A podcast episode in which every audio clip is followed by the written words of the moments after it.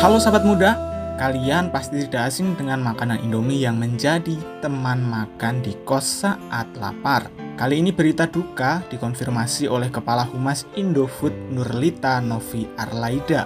Ibu Haji Nunuk Nur Aini wafat hari ini pada hari Rabu 27 Januari 2021 pukul 14.55 waktu Indonesia bagian Barat di usia 59 tahun. Ibu Haji Nunuk Nur Aini merupakan seorang penemu varian rasa Indomie yang sering kali kalian makan saat di kosan.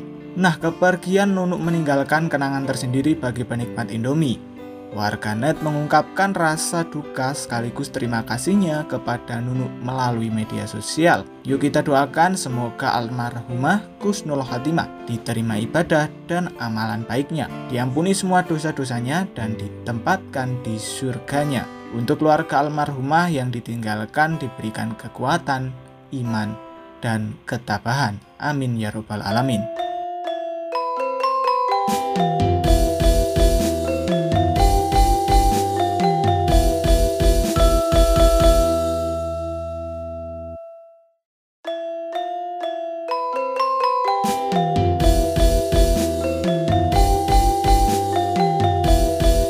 Saudara kabar duka seorang penemu varian rasa Indomie Nunuk Nur Aini yang meninggal pada hari Rabu 27 Januari 2021 pukul 14.55 waktu Indonesia bagian Barat di usia 59 tahun.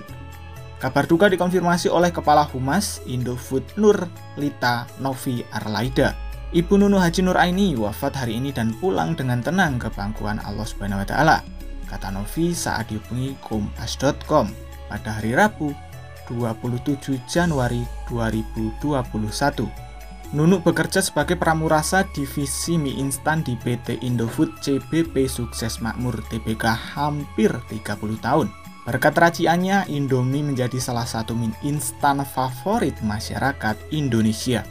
Nunuk merupakan lulusan Universitas Pajajaran Bandung jurusan Teknologi Pangan ia juga hampir 30 tahun mengabdikan dirinya sebagai Flavor Development Manager Indofood. Sampai saat ini terdapat varian rasa Indomie, mulai dari varian rasa khas Indonesia seperti soto, rendang, kari ayam, dan sambal mantah. Hingga rasa klasik Indomie goreng yang masih paling populer sampai saat ini. Tak hanya di Indonesia, mie instan ini juga dinikmati masyarakat lintas negara. Indomie telah dipasarkan di 80 negara di seluruh Indonesia seperti Australia, Selandia Baru, Amerika Serikat, Kanada, seluruh Asia, Afrika, Eropa, dan negara-negara Timur Tengah. Sampai 2019, Nunuk telah mengabdikan diri sebagai pramurasa Indomie selama lebih dari 28 tahun. Kita doakan semoga almarhumah Kusnul Khotimah diterima ibadah dan amalan baiknya, diampuni semua dosa-dosanya dan ditempatkan di surganya.